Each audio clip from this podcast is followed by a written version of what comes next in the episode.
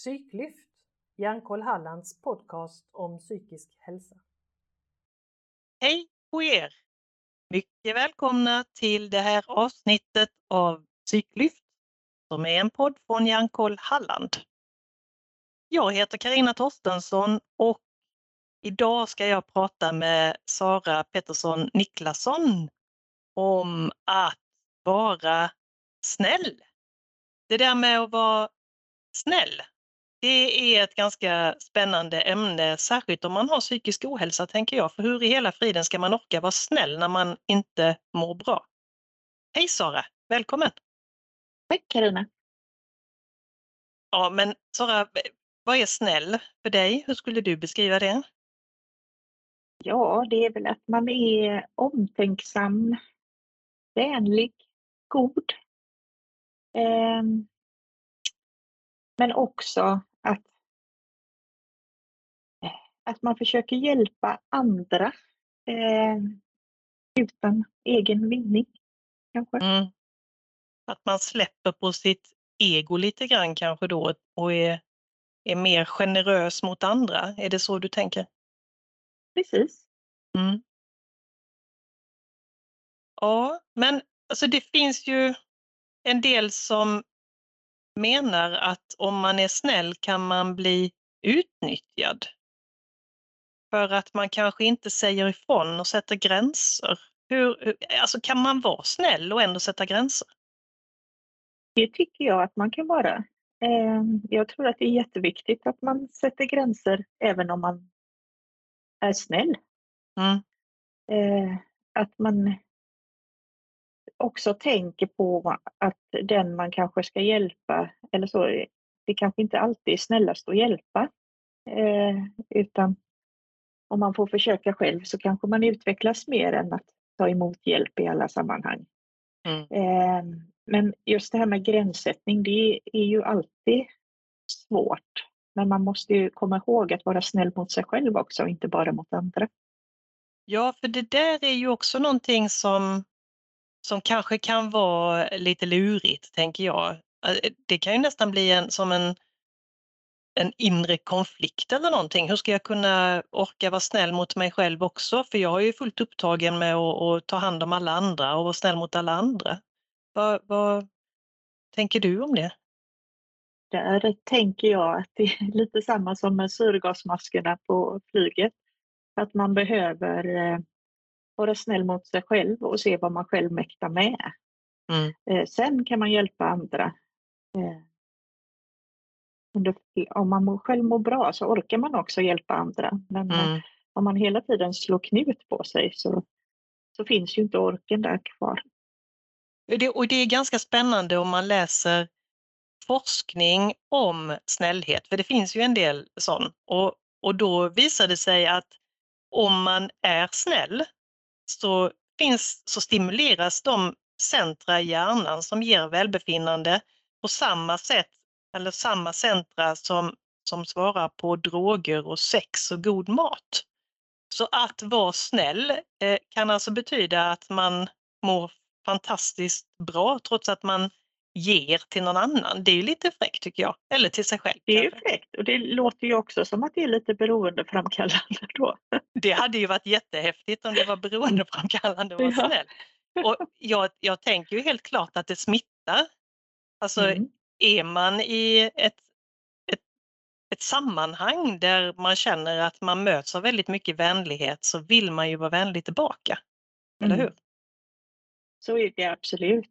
Eh, och det, det vet nog alla, tänker jag, att har man, blir man lite överraskad av något som någon har gjort för att vara snäll utan att man helt har förväntat sig det eller så, då blir man ju liksom, det här måste jag ge vidare till någon Mm. annan. Så. Mm. Har du gjort något sånt där som, som någon annan har uppskattat som överraskande snällt mot någon någon gång? Ja, det, det har jag säkert gjort många gånger. Eh, alltså det kan ju vara liksom betala i kassan när någon inte har tillräckligt med pengar eller eh, alltså hjälpa någon på ett sätt som de inte har räknat med. Mm. Eh, och visst, visst mår man lite bättre och, och det känns bra efteråt när man har gjort det. Jo, men det gör man. Eh, Ja. Alltså man blir ju glad av att glädja andra, så är Mm. det ju.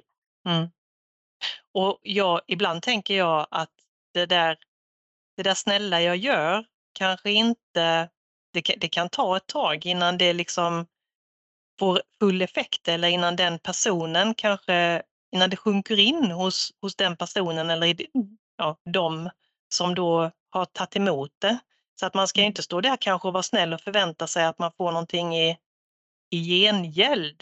För då är vi nog inne och pratar om någonting annat tror jag. Mm.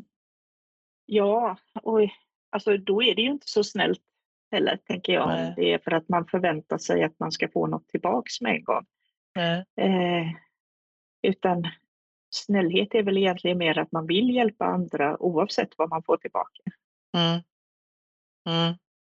Och om man, du, du nämnde ju då att man betalar för någon annan i kassan, men ofta så, så kan det kan ju stå, eller ofta, ofta, jo men det händer ju att det står när det har hänt katastrofer ute i världen så står det folk med bössor utanför butiken till exempel.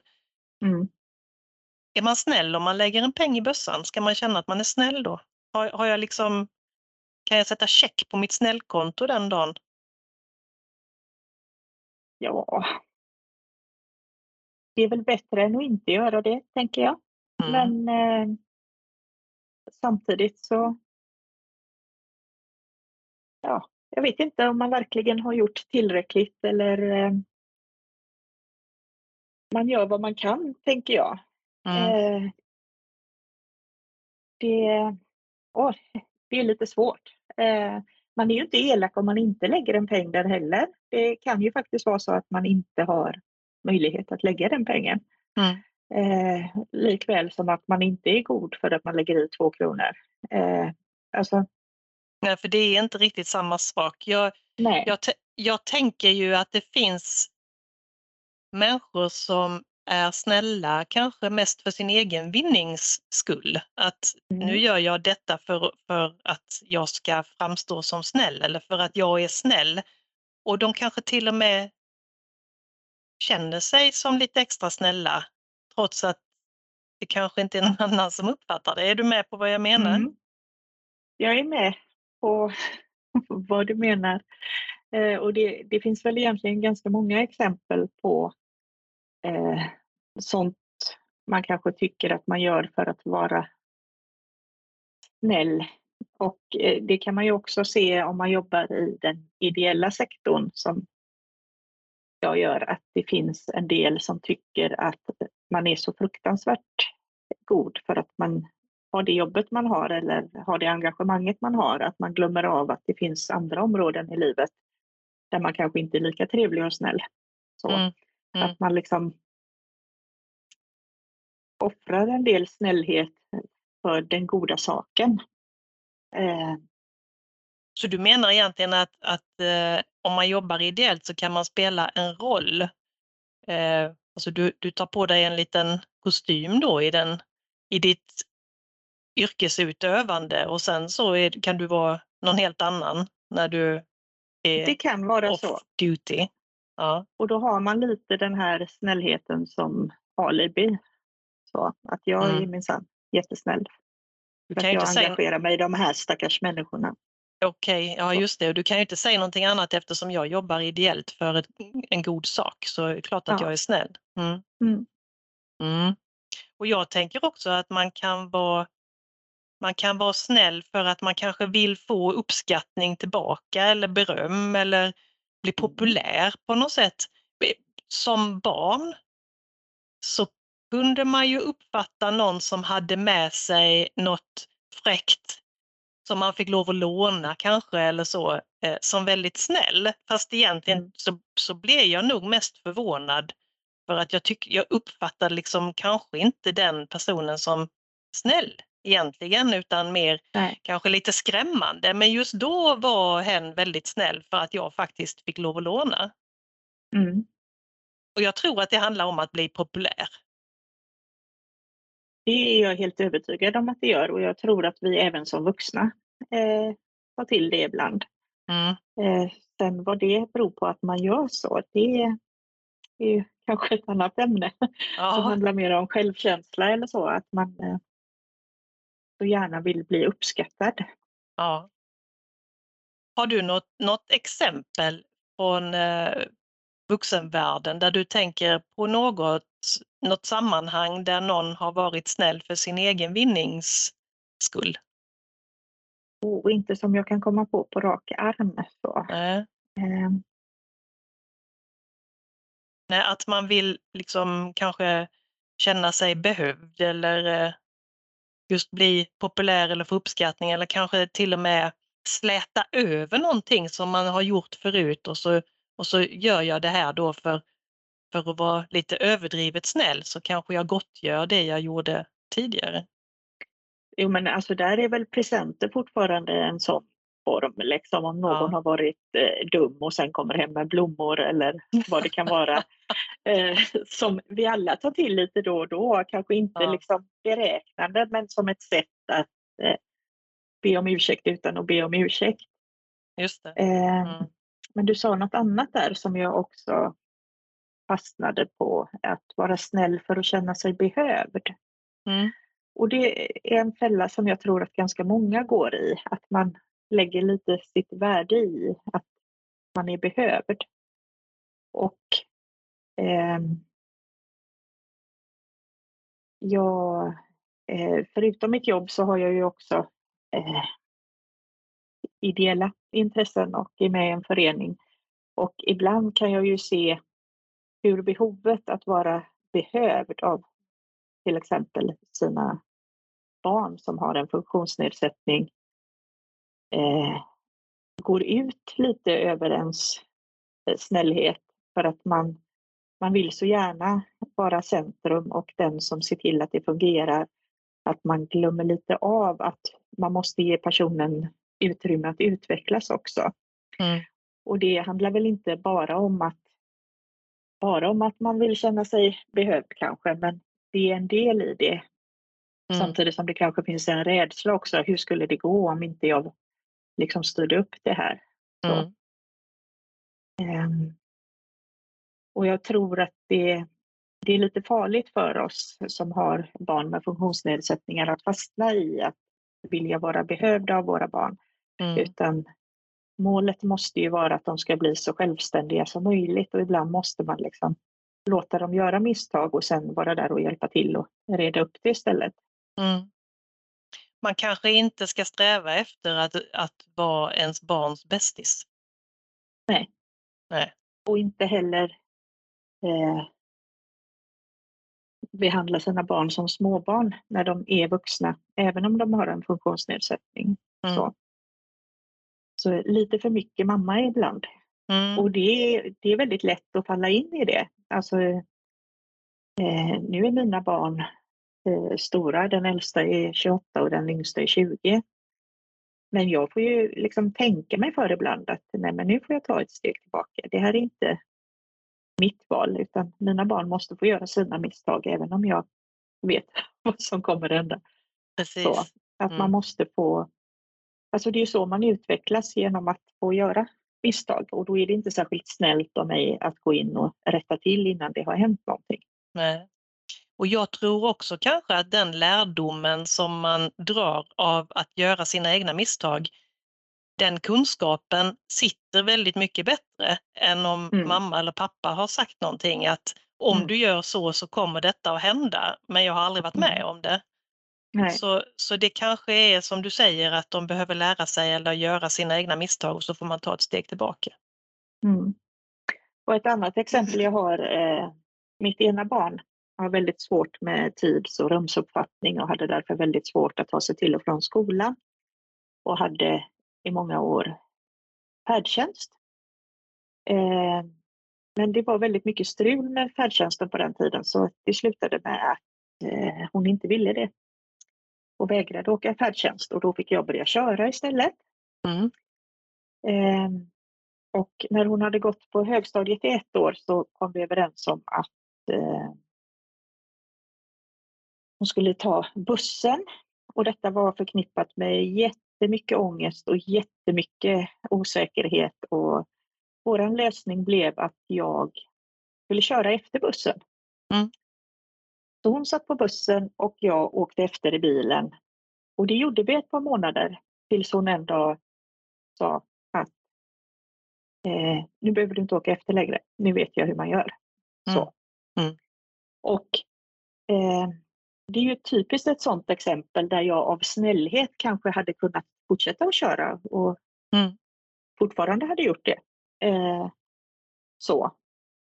Men där var det ju egentligen snällare att utsätta henne för den ångesten det innebar men ändå erbjuda liksom, ett skydd och fånga upp. Mm. Eh, och även om det tog några månader så till sist så åkte hon ju buss själv. Och man får ju ändå säga att det var ju fortfarande väldigt snällt av dig att åka efter bussen. Men så det var ju inte så att du slutade vara snäll och bara att nu får du klara dig själv, pang, och så släppte du taget, utan du Mm. körde ju fortfarande samma sträcka fast hon fick ta ett steg i, i sin utveckling. Mm. Ja.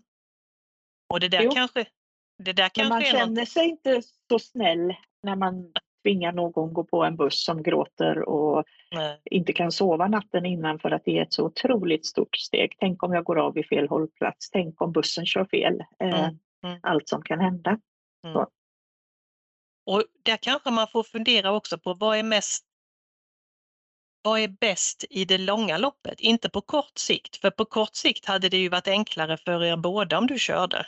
Mm, ja. Men på lång sikt så har det ju kanske varit ännu snällare att eh, låta henne ha den ångesten men du finns där och ger trygghet. Du är liksom så nära så att trycker hon på stoppknappen, bussen stannar, så är du bakom. Sen kan man ju tänka sig att folk tyckte vad är det för konstig idiot som kör efter bussen och stannar på varje hållplats? Men det Men, kanske eh, också är någonting att eh, öva sig på, att inte bry sig så mycket om vad andra tänker. Mm. Ja, det, det, ju, det finns olika, olika exempel, men just när det gäller det här att vara snäll mot sina barn eh, och kanske göra saker åt dem eller eh, Eh, som du var inne på här att man, man, eh, man vill så väl så att man avråder eller råder eh, utan att de har fått prova själva. Jag, jag är ju på väg mot det här eh, begreppet curling eh, där, där vuxna i all välmening och, och med all välvilja kanske är lite för nära, inte låter barnen alltid eh, göra sina egna utmaningar. Hur, hur, hur ska vi tänka om curling? Det kanske är ett begrepp som är på väg ut nu, inte vet jag, eller inte Mm. begreppet som sådant, men, men beteendet. Eh, jag tror att eh, alltså, curling kan vara både bra och dåligt. Eh, det finns barn som behöver bli i vad omgivningen kanske ser som curlande. Mm. Fast det egentligen handlar om att man ger barnet det stöd det behöver men att andra barn kanske inte behöver det stödet. Eh, Mm. Men det, ja, när det blir ett problem är ju när man gör det till överdrift. Så. Mm. Ehm, och det är ju lite samma som jag var inne på innan, liksom, att eh, barn behöver ju utvecklas och få utvecklas och göra sina misstag och ibland göra sånt som är jobbigt för att det leder till något gott i, i längden. Att man Mm. känner att jag klarar det här, jag kan stå på egna ben. Mm. Ehm, så jag är lite allergisk mot begreppet curlingföräldrar för oftast används det om föräldrar som har barn med funktionsnedsättningar. Att, Mm. att man är inne och styr och ställer för mycket men väldigt ofta så behöver man faktiskt göra det mer än vad andra föräldrar behöver. Mm. Eh, och sen så kan man ju komma ihåg att man utifrån kanske inte ser allting som gör att man behöver behandla det här barnet så. Eh, för det är lätt att liksom bara se vad föräldrarna gör utan att eh, tänka på varför de gör det. Precis. Mm. Och det, så, länge, så länge man curlar och vet, vet anledningen och kanske också reflekterar varje dag. Behöver jag göra Mm. detta idag också eller är det dags för nästa steg? Så tror Precis, jag att det man kan vara... måste ju våga ifrågasätta sig själv också. Alltså, nu har jag gjort det här. Är det dags att ta ett steg vidare? Precis. Mm. Och det lite otrygghet eh, kan vara ut, utvecklande. Men ja, om man tänker på... Behöver man, om, om vi nu håller fast vid det här med trygghet lite grann då. Behöver jag vara trygg i mig själv för att vara snäll? Eller kan jag vara snäll även om jag känner mig väldigt skakig och osäker? Jag kanske träffar fel eller miss, missar målet om jag är osäker själv för att jag inte riktigt vet. Gör jag rätt nu eller gör jag, ska jag göra så här istället? Och så försöker jag vara snäll men det blir inte riktigt bra och så vill jag göra ännu mer rätt och, och så är jag inne i någon slags eh, spiral.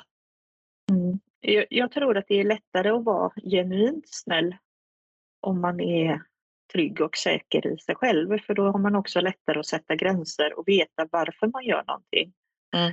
Att eh, nu gör jag det här för att jag vill hjälpa den här personen eller eh, gör jag det här för att jag vill få någonting tillbaka och känna mig behövd och omtyckt. Och, Mm. och är man inte säker i sig själv så kanske man blir snäll så att det går ut över en själv. Om man hela tiden försöker hjälpa mer och mer och eh, ja, slår knut på sig själv för att hjälpa andra och glömmer bort sig själv Mm, så, mm. så är det nog inte bra för någon, tänker jag. Vare sig för den som blir hjälpt eller den som gör allt för att hjälpa till. Nej, för jag tänker att man skulle kunna hamna i en situation där man känner att man blir lite utnyttjad. Om, om man inte är trygg i sig själv utan försöker hjälpa andra. Eh, just för att det är svårt att sätta gränser och då kanske man springer omkring där med syrgasmasker till alla andra men, men har, kan inte andas själv till slut. Så kan det nog absolut vara, tror jag. Eh, Och jag, jag funderar ibland på vad som är motsatsen till snäll. Är det att vara elak eller är det att vara egoistisk? Eller vad, är, vad skulle du säga är motsatsen till snäll? Ja. För mig personligen så är det nog att vara elak. Mm. Eh, alltså egoistisk. Man kan vara snäll även om man tänker på sig själv eller eh, ja, nej, det är nog elak. Mm. Att man gör saker för att skada. Medvetet eh, skada Ja. någon annan. Mm. Mm. Och det måste ju inte vara fysisk skada då. Det kan ju Nej, naturligtvis nej, nej. Vara, Mm. vara skada på alla möjliga olika sätt. Ja, Mm. det är, alltså att säga något bara för att såra, eh, det är ju elakt. Mm. Eh. Precis. Och det ser jag nog som motsatsen till snäll. Mm. Men för att gå tillbaka till det som jag inledde med då, att om jag nu inte mår bra, om jag av olika skäl mår psykiskt dåligt, är det okej att inte vara snäll då? Ja, alltså det beror ju på. Det är inte okej att vara elak för att man mår dåligt. Eh, men först och främst så måste man ju ta hand om sig själv och att då kanske lägga tid på att hjälpa andra kanske är, är faktiskt nedbrytande. Mm. Om man inte, alltså det beror ju på hur dåligt man mår naturligtvis, men om man är mitt i en kris eller i djupaste depression så ens första mål måste ju vara att få näsan ovanför vattenytan. Mm. Såklart. Och det kan ju också bli en flykt i att fokusera på andra istället för att ta tag i det som Mm. är jobbigt för mig. Mm. Att jag flyr genom att eh, försöka hjälpa någon som har andra problem eller eh, så. Och jag tror kanske inte att det är när man själv är på botten som det är svårast att vara snäll, utan det är när man är på väg ner. Nu pratar jag av egen Mm. erfarenhet. När jag känner att min energi börjar ta slut så är det Mm. väldigt lätt att bli irriterad och snarstucken och kanske kommentarer eller eh, ord halkar över mina läppar som jag ångrar efteråt eller tänker att varför sa jag så där, det var ju inte bra, men jag har inte heller orken att ta tillbaka dem eller be om ursäkt. Så att jag blir liksom en, en elakare version av mig själv när jag är på väg ner i dåligt mående. Mm. Och jag vet inte om det betyder att du är elak utan jag skulle snarare se det som ett tecken på att eh, nu behöver Karina ta hand lite bättre om sig själv. Ja. Så. Eh, och det tror jag nog att din omgivning gör också. Att de förstår att eh, det finns en orsak till att du inte är ditt vanliga jag. Mm. Så. Det hoppas man ju. Men äh, Mm. Det, det är ju lättare att se det hos andra än hos sig själv ibland faktiskt. Mm. Att eh, det här är nog ett tecken på att jag behöver fundera på var mina behov ligger någonstans just nu. Mm. Mm. Jag tror att de flesta människor gör så gott de kan eh, utifrån de förutsättningar de har just då. Mm. Och om man har med sig den inställningen till alla människor man möter eh, så är det ganska lätt att liksom förlåta och tänka att han gjorde så gott han kunde eller hon gjorde så gott hon kunde Mm. just då. Om man tänker barn igen, för barn kan ju vara ganska eh, ärliga och raka eh, Mm. på, ett, på ett skönt sätt, tycker jag, ofta. Men då om man tittar på en, en grupp förskolebarn exempelvis så finns det ju barn som är mer fysiskt våldsamma, som kanske knuffas och som kanske till och med slåss. Eh, kan man säga att sådana barn är elaka då? Nej. Nej. Barn är aldrig elaka. Jag tänker att det finns, eh, det finns orsaker. Alltså man Mm. kanske har en frustration. Ibland är det språket som inte fungerar och då blir man mer fysisk eh, Mm. i sitt kroppsspråk. Och sen barn är mer impulsiva än vuxna. Eh, när vi hinner tänka efter lite, för vi får ju alla ibland känslan av att vi skulle vilja sparka någon på smalbenet eller kleta tuggummi i håret på dem eller vad det kan vara. Men vi gör det inte, för vi hinner bromsa innan. Men det Mm. gör inte barn, utan de gör det de tänker just då. Mm. Mm. Och då kan man ju som förälder välja att säga antingen slå tillbaks. Slår han dig så slå tillbaks eller slår hon dig så slå tillbaka. Eller så kan man ju säga eh, men då kan du kanske gå undan och leka med någon annan. Eller något Mm. liknande då. Vad- Om, jag, jag tänker ju spontant att om man skulle säga till sitt barn att slå tillbaka, då blir det ju en mer medveten handling, det vill säga per definition mer elakt. Mm. Och jag, jag tror inte att det är så många som säger slå tillbaka, eller jag hoppas inte det i alla fall. För vi behöver ju inte fler som slåss. Eh, så. Eh, och jag tycker inte alltid det är riktigt rättvist heller att säga men gå undan. Utan eh, istället försöka lära sitt barn att sätta gränser, att säga du får inte slå mig. Mm. Eh, och ibland behöver man kanske söka hjälp av någon vuxen om det är på förskolan eller sådär. Utan, så ett mellanting där tänker jag, Mm, inte slå mm. tillbaka men kanske inte heller vika undan. Nej. Nej, men det är ju kloka, kloka ord. Och det, det är ju också på sätt och vis fostrande eh, för, i, för kompisen också. Mm. Att eh, va? Var det, någon, var det någon som sa ifrån här? Mm. Jag, jag eh, funderar också på synonymer till snäll. Vad, vad tänker du på för synonymer till snäll? Oj, ja det är också svårt. Eh, Men jag tänker väl ja, god framför allt. Mm. Eh, omtänksam. Hjälpsam, men det, är- ja, nej, de är inte riktigt samma som snäll. Eh, Men åt det hållet. Mm. Ibland har ju snäll nästan eh, varit samma sak som dum. Att man är Mm. dumsnäll. Hur är man när man är dumsnäll? då tänker jag att man är genuint snäll eh, och inte alls på ett negativt sätt egentligen, utan bara att man eh, vill, vill alla väl. Eh, Mm. Och att man, man är lite för snäll för sitt eget bästa, men det finns ju absolut inget ont i att vara dumställd. Det finns ju Nej. liksom eh, vi känner säkert alla någon som är vad som betraktas som dumsnäll. Och ofta Mm. tycker vi väldigt mycket om de människorna. Mm. Eh, det finns ju inget som helst ont i dem. Nej. Men de kanske blir utnyttjade ibland. Mm. Mm. Och det är kanske just det där att man inte alltid funderar över konsekvenserna Mm. över sin handling och då, då kan det bli så att man är lite för snäll för sitt eget bästa. Mm. Mm.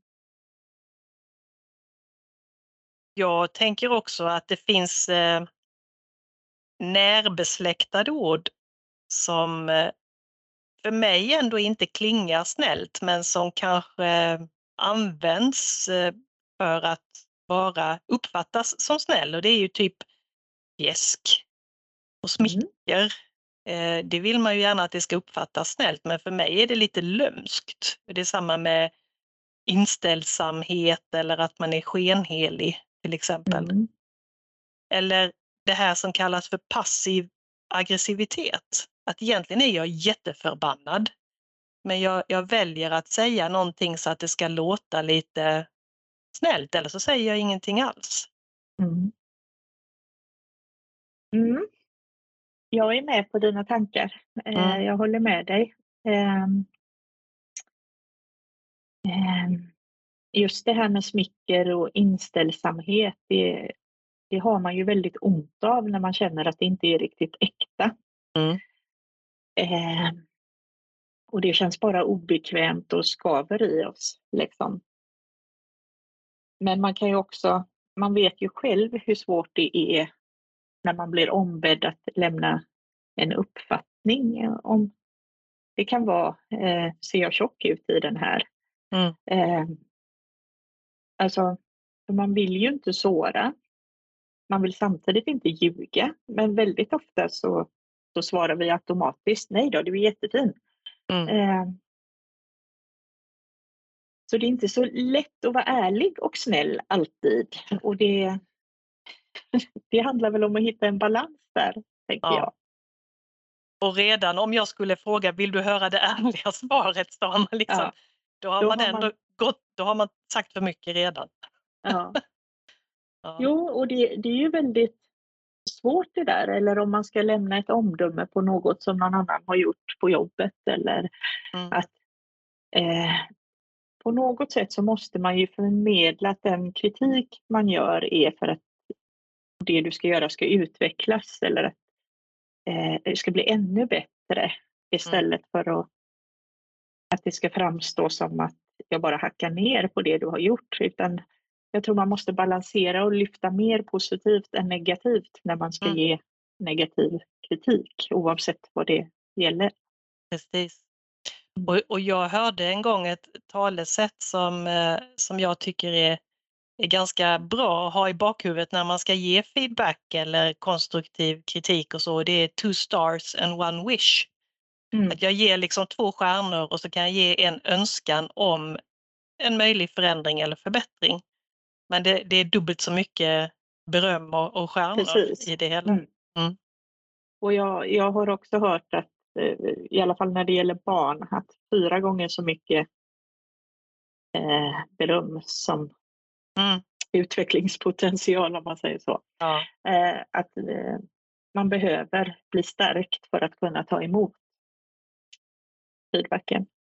Såklart, och det, det är ju, jag tror att vi alla kan känna att eh, om det är någon som säger, ni, nio personer säger någonting bra och en tionde säger någonting som inte är så bra så är det bara det vi Mm. kommer ihåg hur länge som Mm. helst. Så att eh, det behövs verkligen mycket, mycket underlag för att ge konstruktiv kritik eller feedback. Absolut. Och vi, vi är ju alla experter på att komma ihåg det när vi har fått kritik. Mm. Alltså, även om vi får höra tio bra saker och en dålig så kommer vi ihåg den dåliga. Vi kanske kommer ihåg en av de bra sakerna. Mm. Vi, vi glömmer ju av det lika fort igen. Precis. Så, Hjärnan är märklig på att suga till sig sånt där. Och det, mm. det kanske handlar också om det här med, med samhörighet eller att vi sen vi gick på savannen, tänker jag, så var vi ju på något sätt konstruerade för att vi ska höra till flocken. Mm. Eh, och då är det så viktigt att man anpassar sig och man, man är foglig och man ser till att inte göra någonting som någon kan störa sig på. Men eh, det där kan vara lite skadligt för oss och lite farligt för oss i, i dagens samhälle där vi inte har savannen längre. Mm. Så att eh, vi får kanske ändra vårt tankesätt rent eh, mer aktivt, tänker jag. Det Men om, får vi ja. träna på. om, om jag har en dag, när, för ibland vaknar jag och känner bara att idag är jag förbannad. Eh, och då är det svårt att vara snäll. För jag mm. känner bara att det är någonting som bara puttrar i mig och, och om någon petar på mig så smäller det. Tror du att det hjälper då att avreagera sig i allmänhet? Alltså om jag, om jag slår i dörrarna, om jag, om jag slår på en boxboll eller någonting, om jag kastar något i golvet så blir jag mindre förbannad och mer snäll då eller är det, spär jag bara på min ilska? Ja, eh, det är ju lite spännande. Eh, det kan ju kännas väldigt skönt att göra det. Men jag har också sett forskning på att eh, det faktiskt bara förstärker din ilska. Mm. Att du ger utlopp för den. Mm. Däremot tänker jag att det är aldrig fel att göra av med lite energi när man i det tillståndet. Att ta en eh, snabb promenad eller liksom få ut lite stresshormoner ur kroppen. Mm. Så, mm. Det tror jag inte är skadligt. Ehm, men just det här med, jag tror att det var någon studie på när de hade testat på studenter och så var det en boxboll och de som liksom var på dåligt humör och så fick de gå in och boxa på den. Eh, medan de andra inte fick göra det då. Eh, fast de blev bara argare och argare, de som liksom fick slå ur sig ilskan. Ja. Eh, så det kanske finns bättre metoder att bli av med stresshormon helt enkelt ja, än att ja. slåss. Mm. Eller? Ja, ändra, ändra sin tanke, för det är ju faktiskt fullt möjligt att ändra sin tanke, att, att eh, tänka vad har jag varit tacksam för eller vad har jag varit glad för? Mm. Och bara genom att faktiskt börja fokusera på det istället för det jag är den ilska jag känner i kroppen kan ju faktiskt ändra tanken. Mm. Och ibland måste man också acceptera att det är en skitdag liksom. Ja. Eh, men det är det inte imorgon. Eh, eller det, det kanske bara är det en stund av dagen och sen kanske det går över. Men eh, mm, göra det bästa av den dagen ändå, tänker jag. Mm. Och det är ju inte farligt att vara förbannad heller. faktiskt. Nej. Nej. Det är en del av livet. Mm. Är det någonting som, som du tänker eh, vi inte har pratat om som, som ligger på bordet när vi pratar om att vara snäll? Nej, jag tror inte det. Nej. Inte som jag kan komma på just nu. Jag tycker vi har pratat om det mesta. Um. Ja, och jag mm. tror att många människor kan uppfatta en som snäll om man eh, ibland visar lite nyfikenhet eh, och, och är öppen och intresserad av andra människor. Man behöver kanske inte alltid mm. göra så mycket utan att Nej, det är sant. finnas Absolut. där. Mm. Mm. Finnas där och vara nyfiken så kan man mm. uppfattas som en, en god människa, en god kamrat och en eh, snäll person. Det tror jag med. Det är jätteviktigt att vi visar intresse för varandra. Mm. Ja, men då eh, tänker jag att vi kan avsluta avrunda det här samtalet om att vara snäll. Mm. Tack för att du tog dig tid och medverka i podden idag. Tack själv.